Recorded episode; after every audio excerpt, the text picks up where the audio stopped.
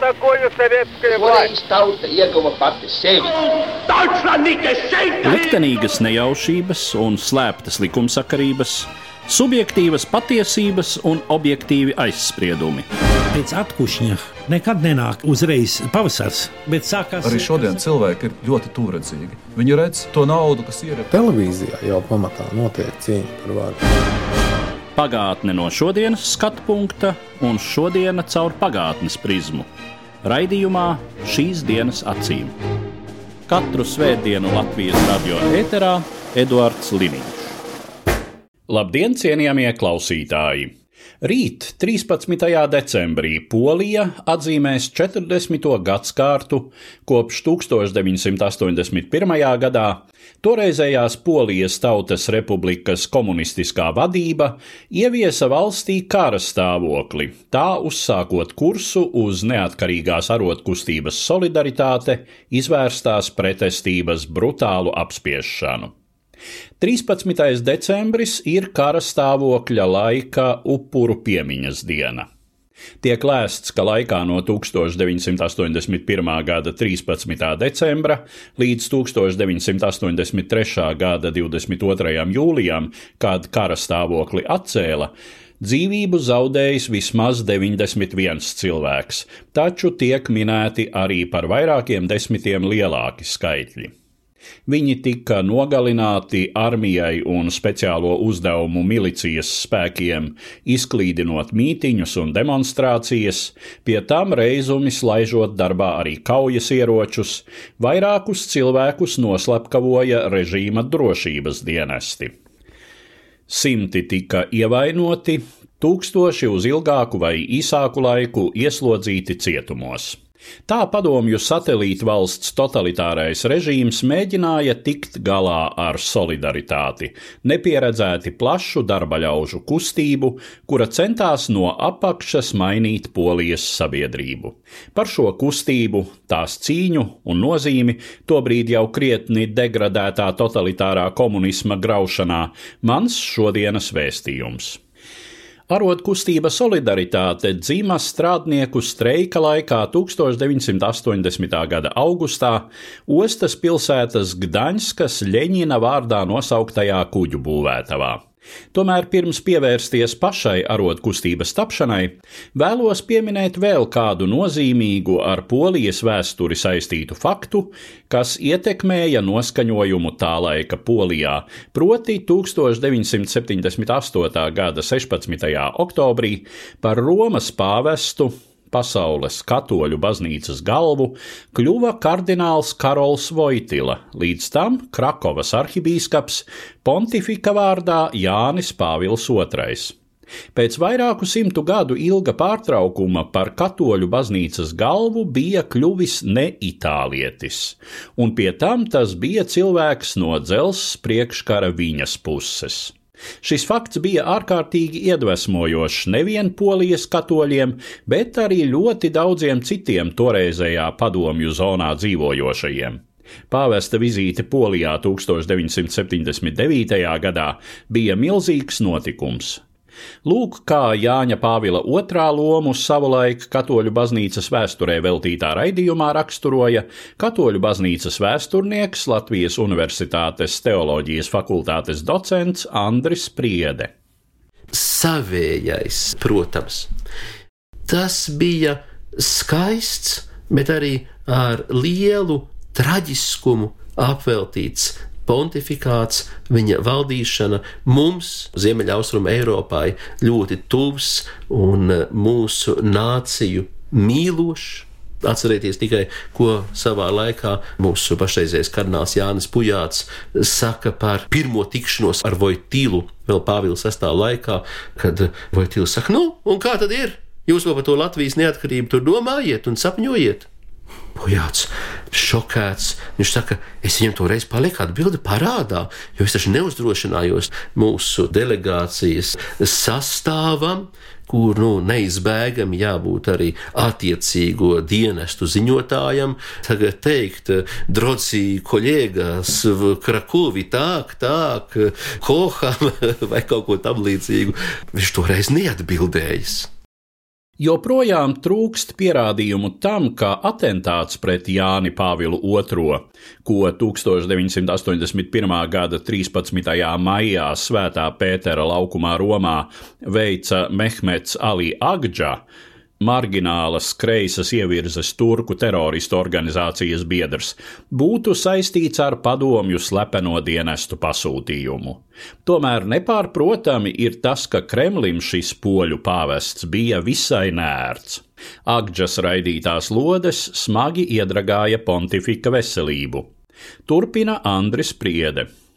Toreiz pēc slavenā atentāta, turku terorista šāviena Pētera laukumā, ar vien vairāk ierobežotas viņa kustības. Atceros studenta gados, kad reizi mēnesī pāvests aicināja visu San Damaso laukumiņu Vatikāna iekšpusē uz kopīgu rošroņu lūkšanu. Nu, un tad, kā teica, vienīgā poza, kurā pāvestam nesāp, ir nevis stāvus, sēžus vai guļus, bet tad, kad viņš ir nometies uz šī lūkšanu soliņu, uz genoflektoriju ceļos, un kad viņš var lūgties, un tā esot vienīgā poza, kad viņš fiziski justos labi. Polijas Tautas Republika bija iedzīvotāju skaita ziņā lielākais Padomju Savienības satelīts Eiropā. Svarīgs arī sava geogrāfiskā stāvokļa un ekonomisko resursu dēļ. Tomēr tas bija arī pastāvīgs raižu objekts Maskavas valdībai, jo bija grūti turams Kremļa varas orbītā.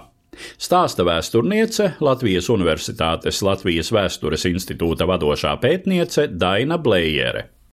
Polijas gadījumā ļoti izteikta bija strādnieku protesta kustība.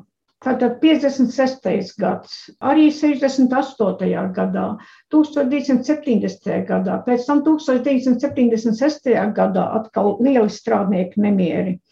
Tad solidaritāte 1980. gadā, un pēc tam karastāvokļa laika arī strādnieku nemieri un streiki no 1981. līdz 83. gadam. Un šeit bija tā pretruna, kuru poļu komunisti nespēja atrisināt.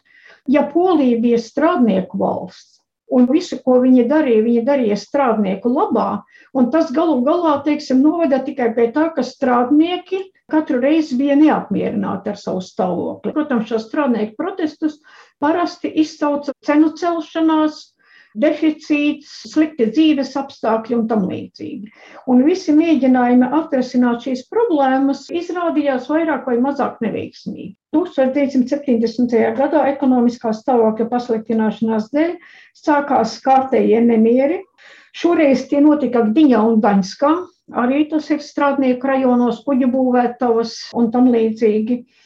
Atkal protesti tika asiņaini apspiesti, un galu galā tas noveda pie tā, ka Mulkam nācās atkāpties, un viņa vietā nāca Edvards Gereks, kas bija tāds rietumnieciskāk un tehnokrātiski noskaņots.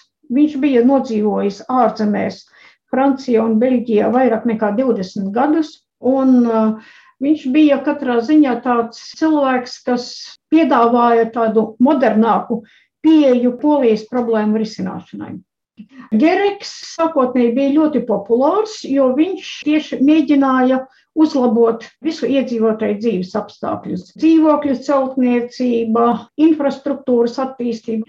Problēma bija tā, ka trūka līdzekļu. Ko Gereks darīja? Viņš ņēma kredītus rietumos. Šī politika noveda pie tā, ka Polija vairs nespēja atmaksāt šos kredītus 70. gadu beigās. Pie socialistiskās sistēmas šie kredīti netika izmantoti efektīvi. Otra lieta bija tā, ka Polija ļoti stipri iegrieza naftas cenu paaugstināšanās 1973. un 1979. gadā. 1981. gadā Polija pat bija spiesta paziņot tā saucamajam Parīzes klubam, tātad Startautisko kreditoru apvienībai, ka viņa nespēja atmaksāt savus parādus.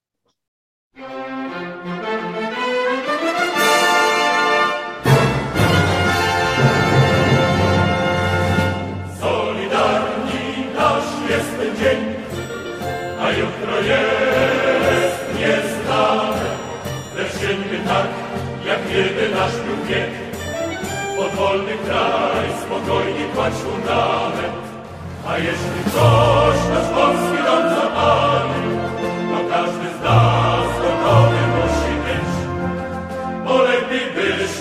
stojąc umierali, niż mamy klęcząc na kolanach żyć.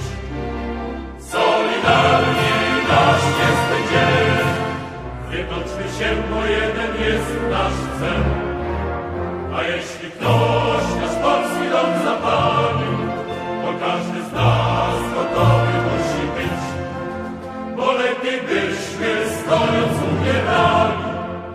mamy klęcząc na kolanach żyć.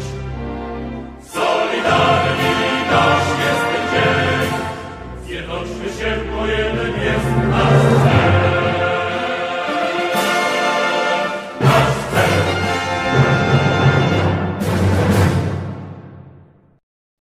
Izšķirošie notikumi, kas noveda pie arotkustības solidaritāte tapšanas, aizsākās Gdaņskas kuģu būvētavā 1980. gada 7. augustā, kad no darba uzņēmumā tika atbrīvota ceļamkrāna operātore Anna Valentinoviča.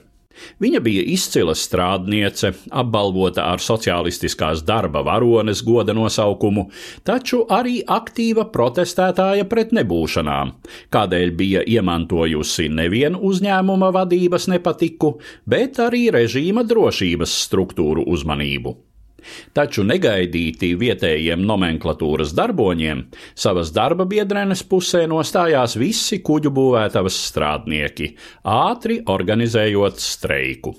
Gdaņskā strādnieku streiki un nemieri notika ne pirmo reizi, un vairākus gadus šejienes kuģu būves uzņēmumos darbojās nelegāla strādnieku organizācija - Piekrastes brīvā arotbiedrība.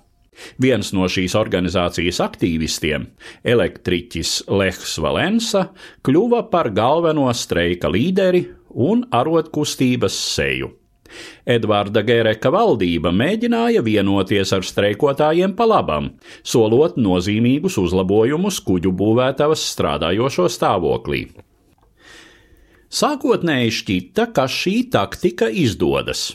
Taču solidaritātes streiki bija aptvēruši arī citus Gdaņskas uzņēmumus, un vienošanās par, kā saka, maizes un desas jautājumiem vienā konkrētā rūpnīcā tagad nozīmētu savā ziņā šo pārējo streikotāju interešu nodošanu.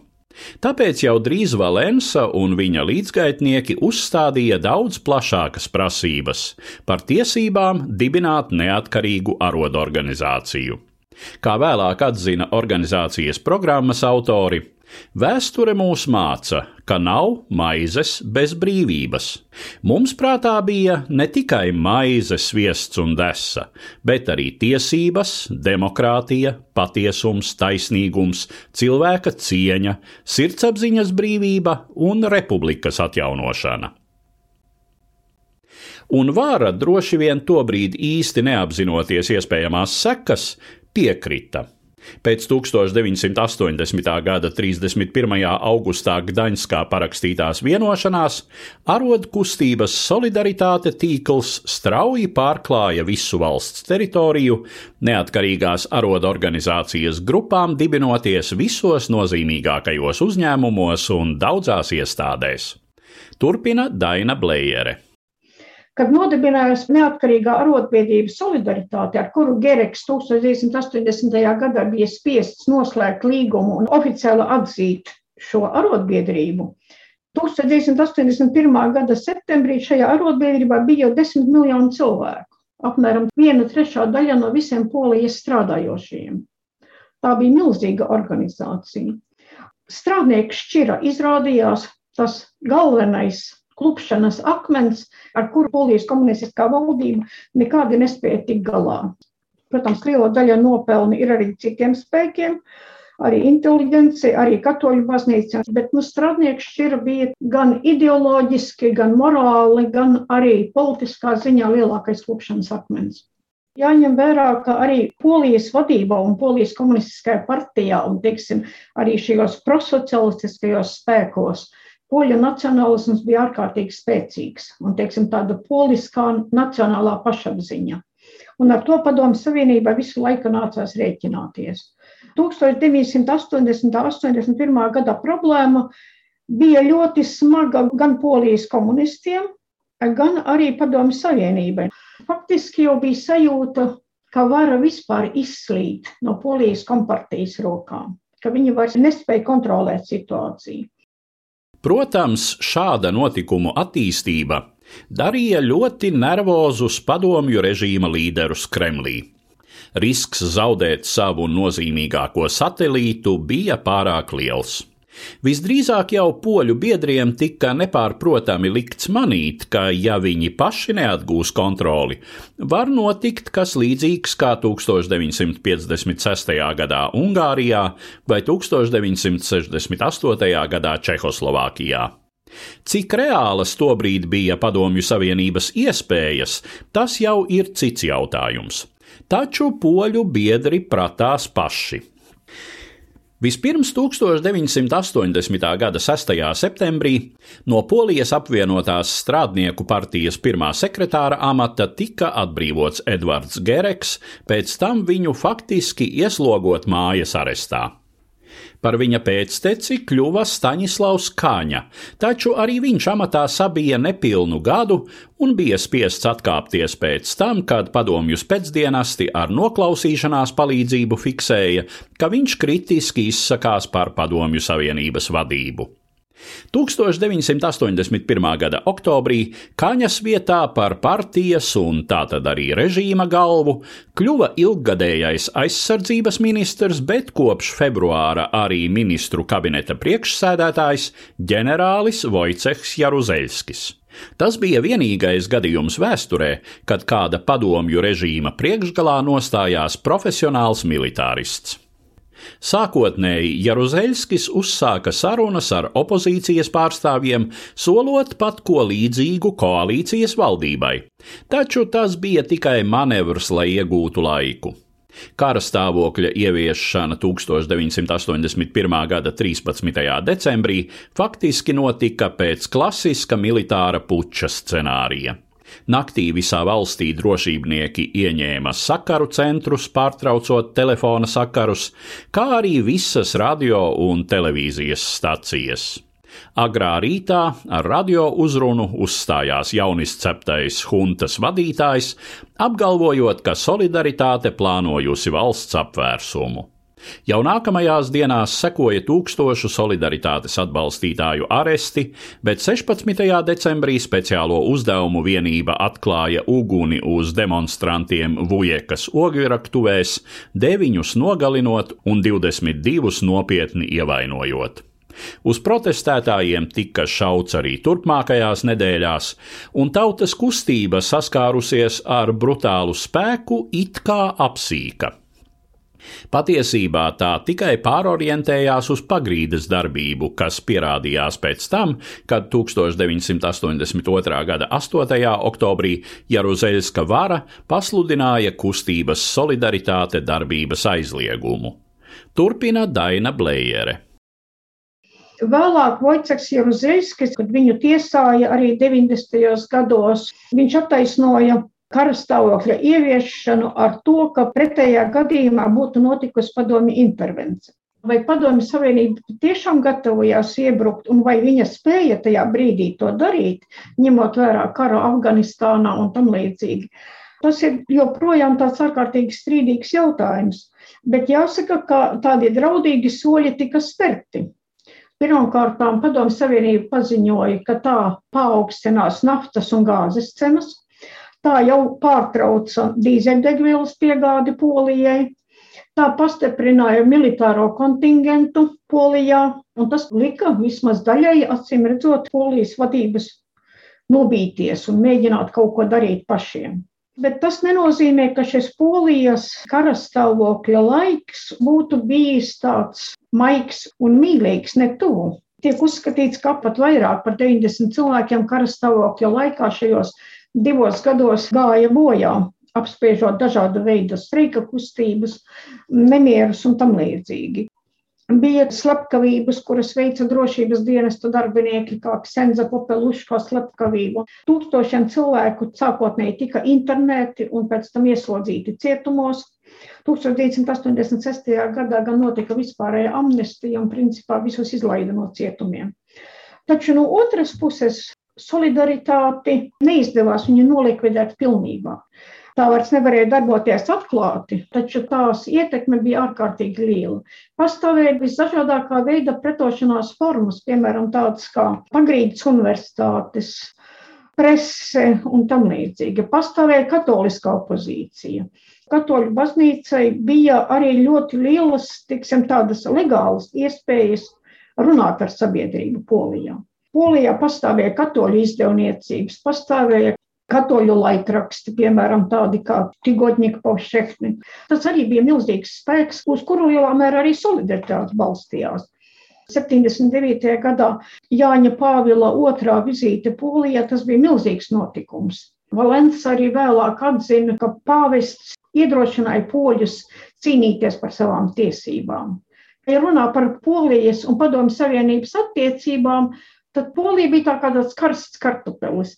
Ne Padomju Savienība to varēja noturēt rokās, ne arī īsti viņa to gribēja izlaist no rokām. Un visu laiku notika tāda līdz perestroikas sākumam, līdz tam, kad eh, Gorbačovs ļāva Austrumēropas satelītiem pašiem izvēlēties savu attīstības ceļu.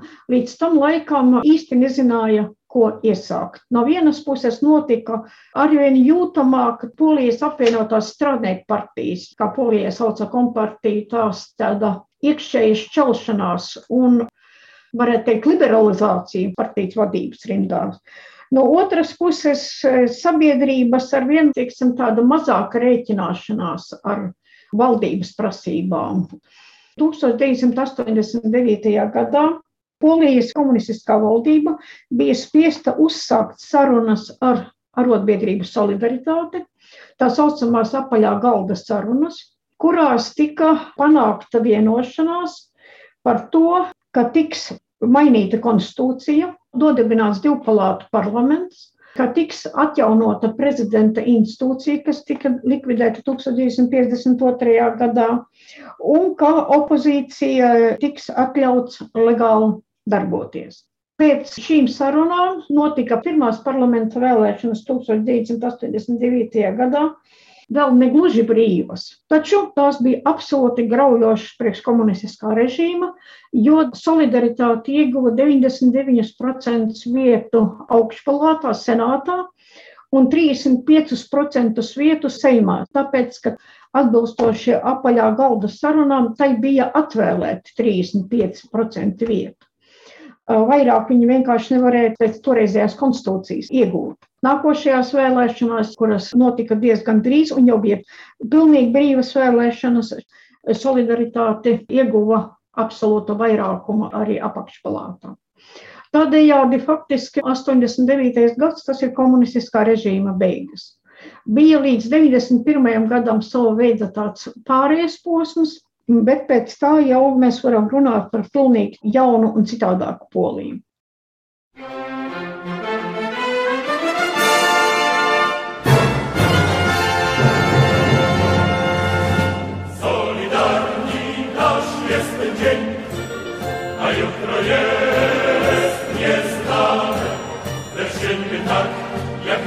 nasz wiek. Podwolny kraj, spokojnie kładź fundament. A jeśli ktoś nasz polski dom zapali, to każdy z nas gotowy musi być.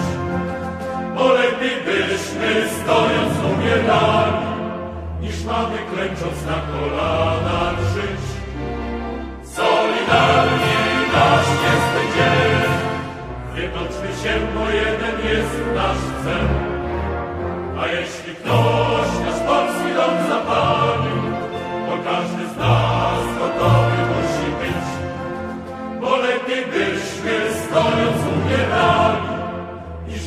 klęcząc na kolanach żyć. Solidarni nasz jest dzień, zjednoczmy się, bo jeden jest nasz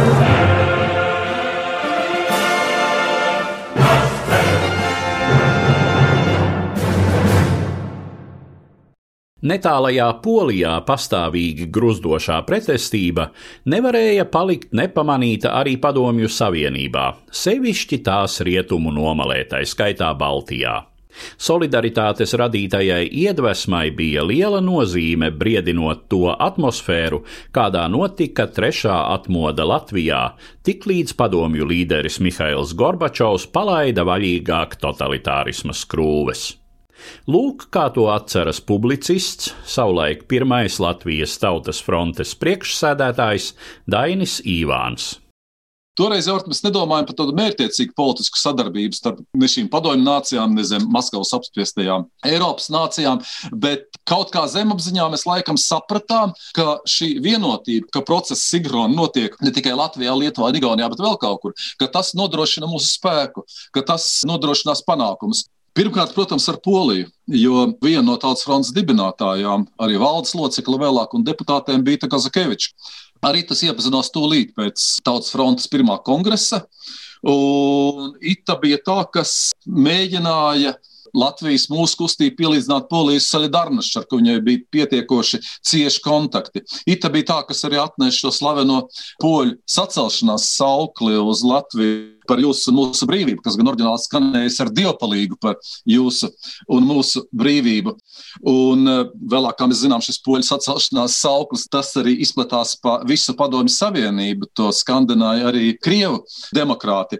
Bet eh, galvenais jau bija tas poļu pretestības gars, ko Ita ienes ar mums. Viņa uzņēma kontakts, viņa bija pirmais, varētu teikt, mūsu tautas sūtnis Polijā. Un varbūt polijas pašlepnums, tas polijas spēks pretojoties režīmam, tas kaut kādā veidā ietekmēja mūs, bet caur mums, un varbūt arī caur Itas personību, arī vēl citas toreizējās padomju savienības tautas, jo Ita prata Baltkrievu valodu, un e, viņai bija pietiekoši daudz pazīstamu cilvēku no bijušās Polijas teritorijas Baltkrievijā, kur arī ātrāk nekā pārējā Baltkrievijā sāka veidoties tautas fronte.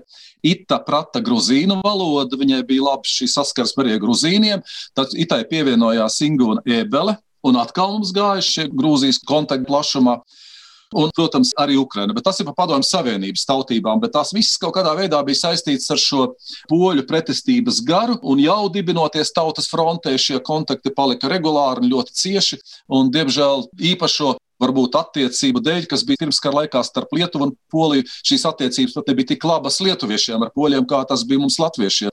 Un bija pat gadījumi, kad Ita vērsās ar speciāliem aicinājumiem uzrunu Lietuvas poļiem, nepretoties Lietuvas neatkarības centieniem un visādi atbalstīt kustību sajūdis. Līdz ar to izskan mūsu šodienas raidījums, kuru veltījām 40. gadsimtai, kopš toreizējā Polijas Tautas Republikā tika ieviests ārkārtas stāvoklis, mēģinot ar spēku apspiest neatkarīgās arodkustības solidaritāte cīņu pret totalitāro režīmu. Dzirdējāt Latvijas Universitātes teoloģijas fakultātes docentu Andri Priedi, Latvijas Universitātes Latvijas Vēstures institūta vadošo pētnieci Dainu Blējeri un publicistu, savulaik Latvijas Tautas frontes pirmo priekšsēdētāju Daini Īvānu.